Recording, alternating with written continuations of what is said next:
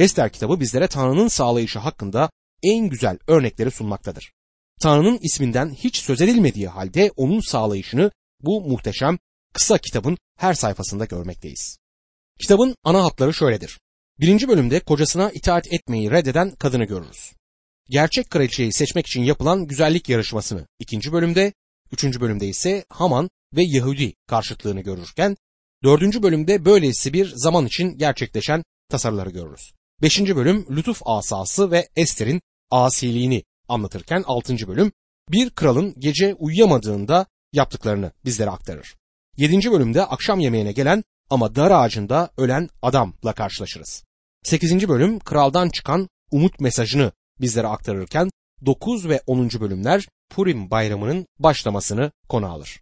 Ester kitabının birinci bölümünün konusu kocasına itaat etmeyi reddeden kadındır. Putperest bir ulusun tarihinden alınan bu bölüm Tanrı sözüne çok kesin bir amaç için konulmuştur.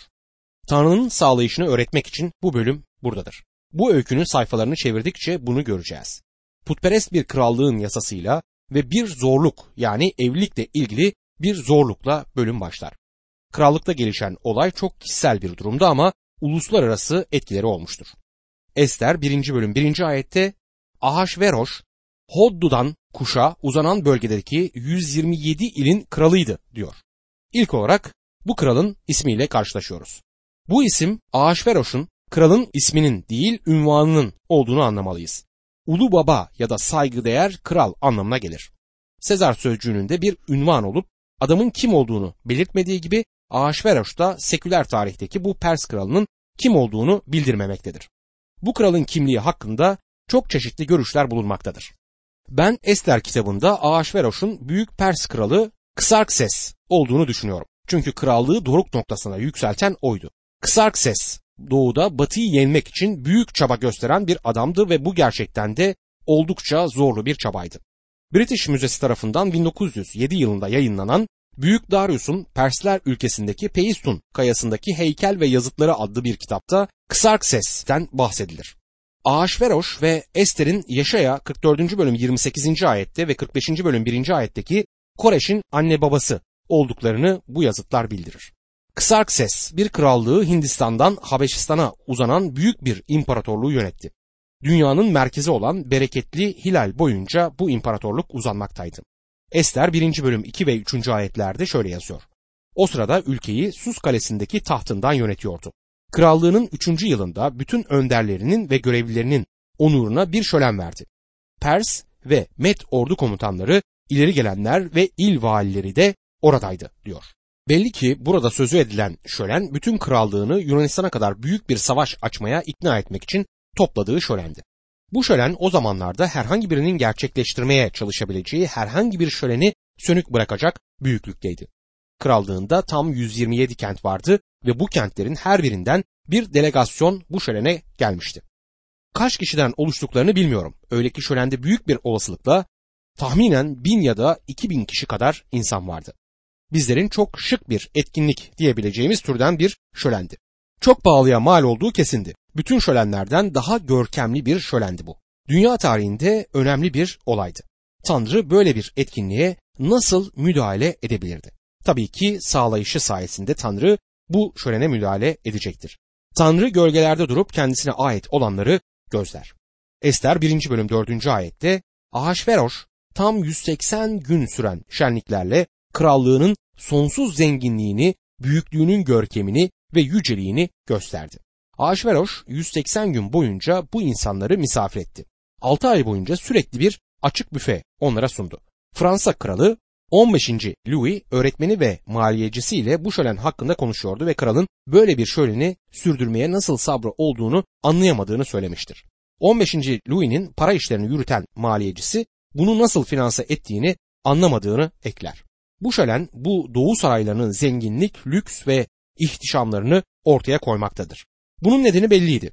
Yunanistan'ı ele geçirmek ve kendisini zamanın en büyük yöneticisi haline getirmek için onların tam desteğini kazanmak için krallığının her köşesinden bütün prenslerini ve bütün yöneticilerini çağırmıştı. Ve tabii ki bu çabasında neredeyse başarılı da oluyordu. Tanrı bu operasyonun başarısızlıkla sonuçlanacağını ve gücün doğudan batıya geçeceğini önceden bildirmiş olmasaydı başarılı olacağından da eminim. Kısarkses, prensleri ve yöneticilerinin düşünmekte olduğu savaşın masraflarını karşılayacak paraya sahip olduğunu onların bilmelerini istiyordu. Bu büyük putperest şöleni düzenleyerek krallığının zenginliğini ortaya koymuştu. Şölen baştan sona kadar putperestti. Tanrı'dan uzak bir etkinlikti. Buradan ruhsal dersler çıkarmaya çalışanlar vardır. Doğrusunu isterseniz ben burada hiçbir ruhsal ders göremiyorum. Gördüğüm şey Tanrı'nın bizleri dünyayı etkileyen kararların verildiği putperest bir sarayla tanıştırmasıdır. Tanrı dışarıda bırakılmış gibidir ama Tanrı bu durumlarda her şeyin üzerinde egemen olduğunu ve kendi amacını gerçekleştireceğini bilmemizi istemektedir. Ester 1. bölüm 5. ayette bunun ardından sarayının avlusunda küçük büyük ayırmadan Sus kalesinde bulunan bütün halka 7 gün süren bir şölen verdi diyor. Xerxes son 7 günde şöleni doruk noktasına taşımıştır. Belli ki şölenin son 7 günü için sarayın bahçesine çok büyük bir kalabalık toplanmıştı. Ester 1. bölüm 6. ayette mermer sütunlar üzerindeki gümüş çemberlere mor ve beyaz renkli iplikten yapılmış sicimlerle bağlanmış beyaz ve lacivert kumaşlar asılmıştı. Somaki, mermer, sedef ve pahalı taşlar döşenmiş avluya altın ve gümüş sedirler yerleştirilmişti diyor. Gümüşler, altınlar, mücevherler ve asılan güzel kumaşlar bizlere bu krallığın zenginliğini anlatmaktadır. Bu sergi gösterişli bir sergidir. Bu sarayların harabeleri Pers ülkesinin zenginliğine hala tanıklık etmektedir. Birkaç yıl önce bu aynı Pers krallığı aynı yerde 2500 yılını kutlamıştır.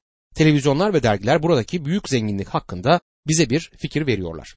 Şölen milyonlarca dolara mal oldu. Bu ülkedeki büyük fakirlikten ötürü bu durum çok eleştirilmişti. Ama Xerxes'in yaptığı şölen akla hayale gelmeyecek kadar pahalıydı. Seküler tarihe bakıp bir değerlendirme yaptığımızda bu adamın bu şöleni yapmaktaki amacının açmayı düşündüğü savaş için destek kazanmak olduğu anlaşılmaktadır. Herkesin bu savaşın masraflarını karşılayabileceğini bilmesini istiyordu.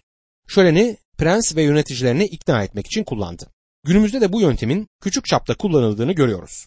Birkaç yıl önce büyük otomobil fabrikalarından biri yeni bir model ürettiğinde dünyanın her yerindeki satıcılarını bir kongre için büyük bir kente topladı.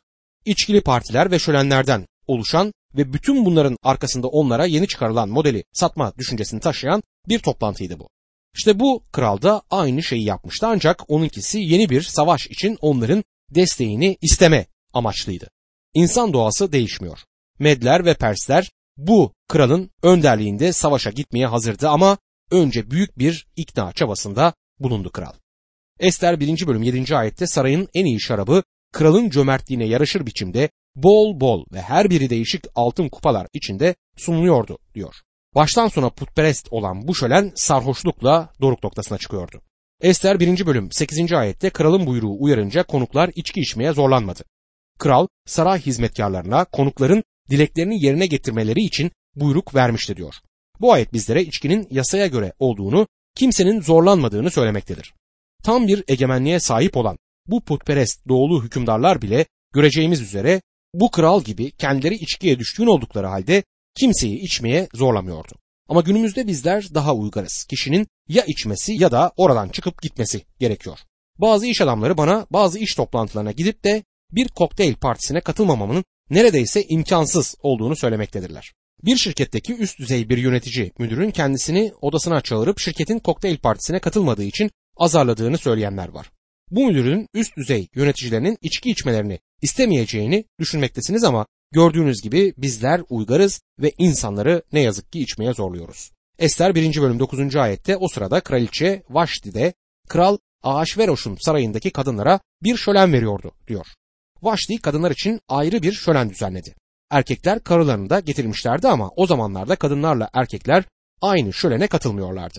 Erkeklerle kadınların aynı şölene katılması sosyal adetlere uygun değildi. Günümüz şölenlerinden farklı olduğunu görüyoruz. Kadınlar ayrı yerlerde tutuluyordu. Erkeklerin şöleni ciddi bir işti ve belli ki seksle işi karıştırmıyorlardı. Kral erkekleri savaşa ikna etmeye çalışıyordu. Bu yüzden Vaşti kadınları bir başka şölende eğlendirmekteydi. Ester 1. bölüm 10 ve 11. ayetlerde 7. gün şarabın etkisiyle keyiflenen kral Ahasveroş hizmetindeki 7 harem ağasına Mehuman, Bista, Harvano, Bikta, Avakta, Zetar ve Karkas'a kraliçe Vaşti'yi başında tacıyla huzuruna getirmelerini buyurdu. Kraliçe Vaşti güzeldi. Kral halka ve önderlere onun ne kadar güzel olduğunu göstermek istiyordu diyor. Bu ayet bizlere kralın sarhoş olduğunu söylemektedir. Haddini aşmıştı. Bu şölenlerde içmeniz gerekmiyordu ama eğer isterseniz istediğiniz kadar içebilirdiniz. Belli ki kral Yeşilaycı değildi. Kral yedinci gün sarhoş oldu. Burada sadece bu kral hakkında değil herhangi bir kral ya da yönetici hakkında bir soru ortaya çıkmaktadır. Bir yönetici sarhoş oluyorsa onun yönetici olması uygun mudur? Bugün gelişmiş ülkelerdeki içki alemleri haddini, hududunu aşmış durumdadır. Bu devam ederse sonunda sarhoşluk bu ülkeleri yok edecektir.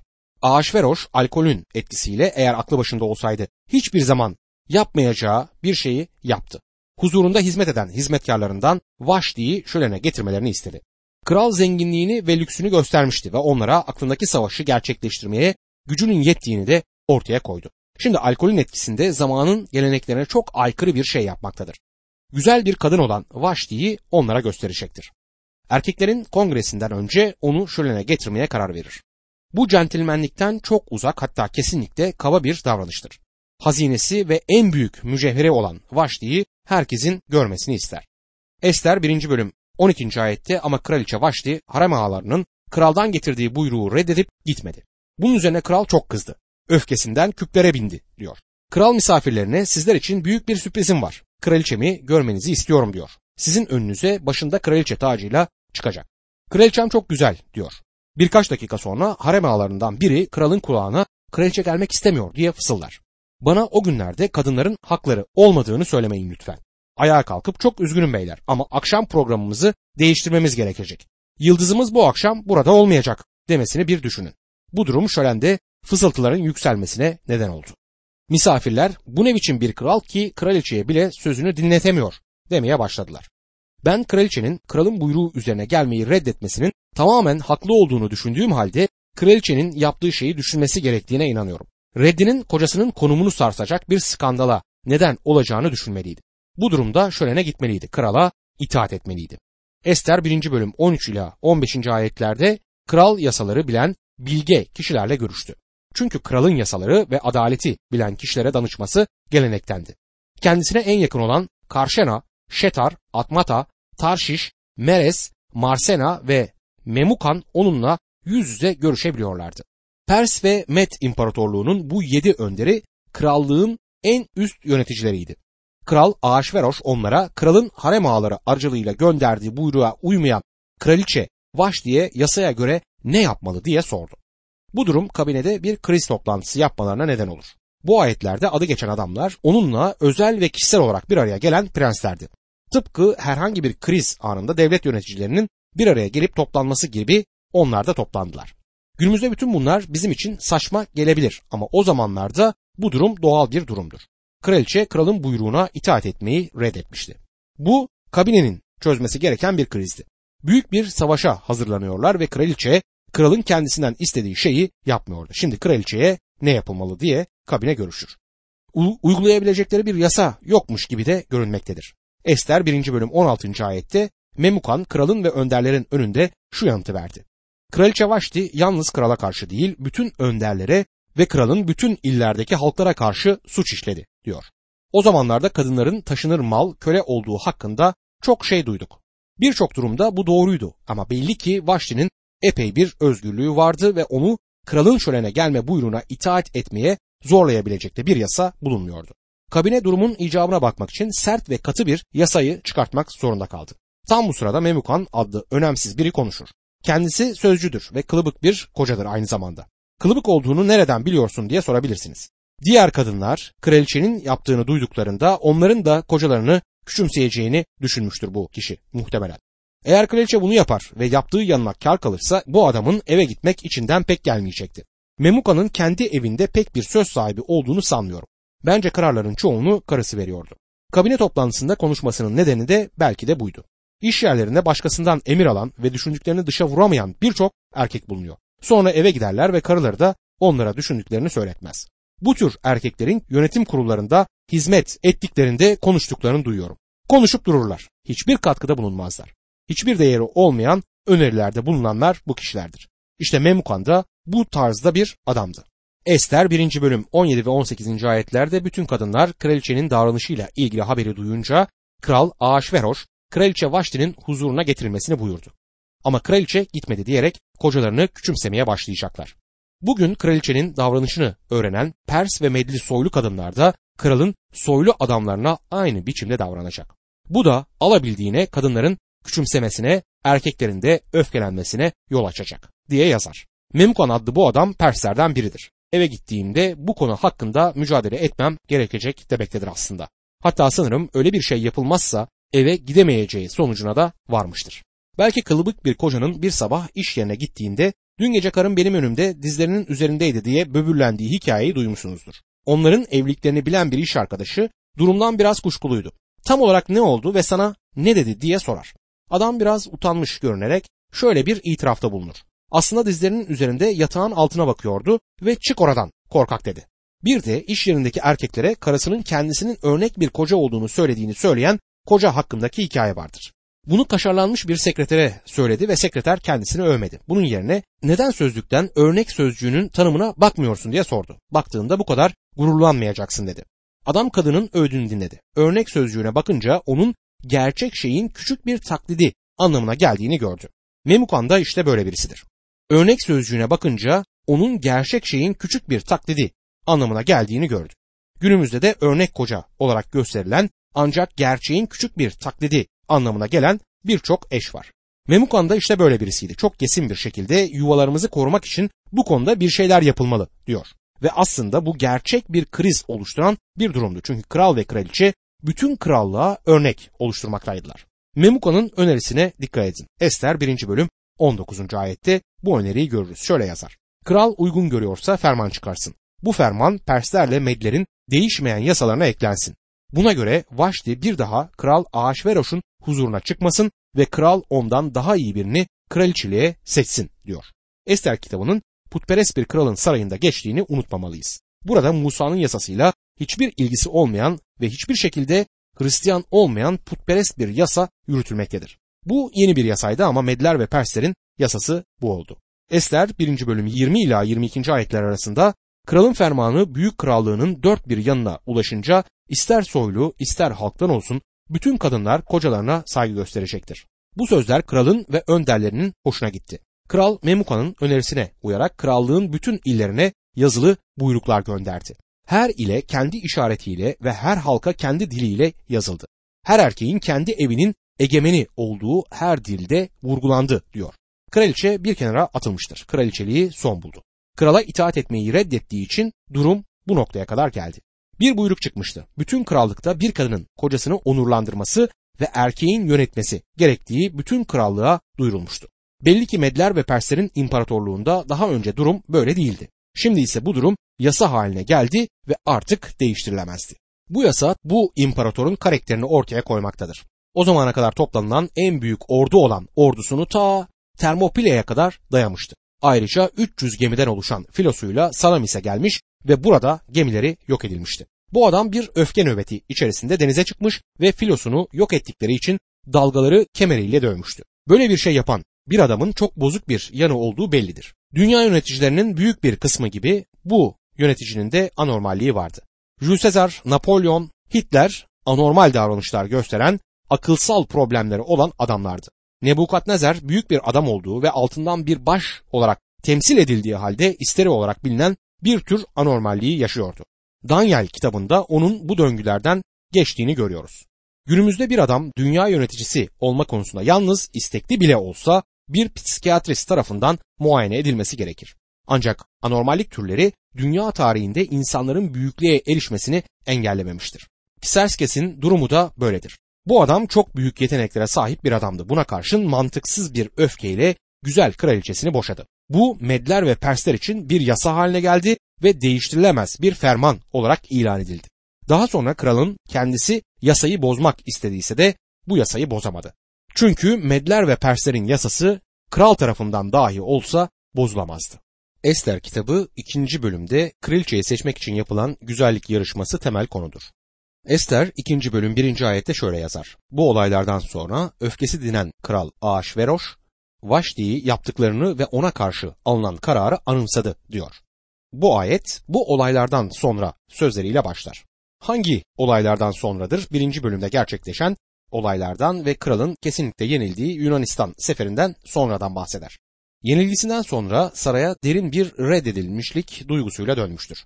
Üzüntüsüne kraliçenin yokluğu ve Medler ile Perslerin yasasının yani kralın kendisi tarafından bile değiştirilemediği bu yasanın da katkıda bulunduğunu düşünüyorum. Vaşti bir daha asla kraliçe olamazdı. Xerxes'in Yunanlara karşı yaptığı sefer hakkında bilgi edinmek için seküler tarihe geri dönelim. Yunanlara karşı büyük bir orduyla sefere çıkmıştı. Perslerin kuvvetinin sırrı sayılarındaydı ama Pers askerleri bireyler olarak Yunan askerlerinin eğitilmiş oldukları kadar iyi eğitilmemişlerdi. Yunanlılar bireyi vurgulamaktaydılar ve bunun sonucu olarak bir Yunanlı 10 Persinin savaşta icabına bakabilirdi. Bunun sonucu olarak Yunanlılar Pers ordusu üzerinde çok açık bir zafer kazanmışlardı. Bu kral için talihsiz bir yenilgiydi ama bütün bunların üzerinde olayları Tanrı yönetmekteydi. Güç Perslerden Yunanlara artık geçmek üzereydi. Yenilgisinden sonra ve yalnızlık içerisinde her gün sarayda aşağı yukarı dolaşıp duruyordu. Vaşti'yi düşündüğü kesindi ama kraliçe hakkında çıkarılan yasa değiştirilemezdi. Bu güzel kadını bir kenara atmıştı ve ona bir daha asla sahip olamayacaktı. Hizmetkarlar onun kafasındakilerini biliyor ve onu gözlüyorlardı. Bir şeyler yapılması gerektiğini düşünmekteydiler. Ester 2. bölüm 2 ve 3. ayetlerde şöyle yazar. Kralın özel hizmetkarları kral için genç, güzel, el değmemiş kızlar aransın dediler. Kral egemen olduğu bütün illerde görevliler atasın. Bu görevliler bütün genç, güzel, el değmemiş kızları toplayıp Sus kalesindeki hareme getirsinler. Kralın kızlardan sorumlu harem ağası Hega'ya teslim etsinler. Güzelleşmeleri için ne gerekiyorsa verilsin. Kralın yüksek konuma sahip olan kabinesi kralın ne kadar içe kapanık ve yalnız olduğunun farkına vardı. Bir güzellik yarışması yapılmasını ve krallığın tamamında en güzel kadınların aranmasını önerdiler. Yakın ya da uzak nerede olurlarsa olsunlar bu güzel kadınlar getirilecekti. Seçilen kadınların sayısının yüzlerce olduğundan eminim. Ester 2. bölüm 4. ayette sonunda kralın hoşuna giden kız Vaşti'nin yerine kraliçe olsun. Kral bu öneriyi beğendi ve söyleneni yaptı diyor. Kral bu yarışmanın yargıcı hatta tek yargıcı olacaktır.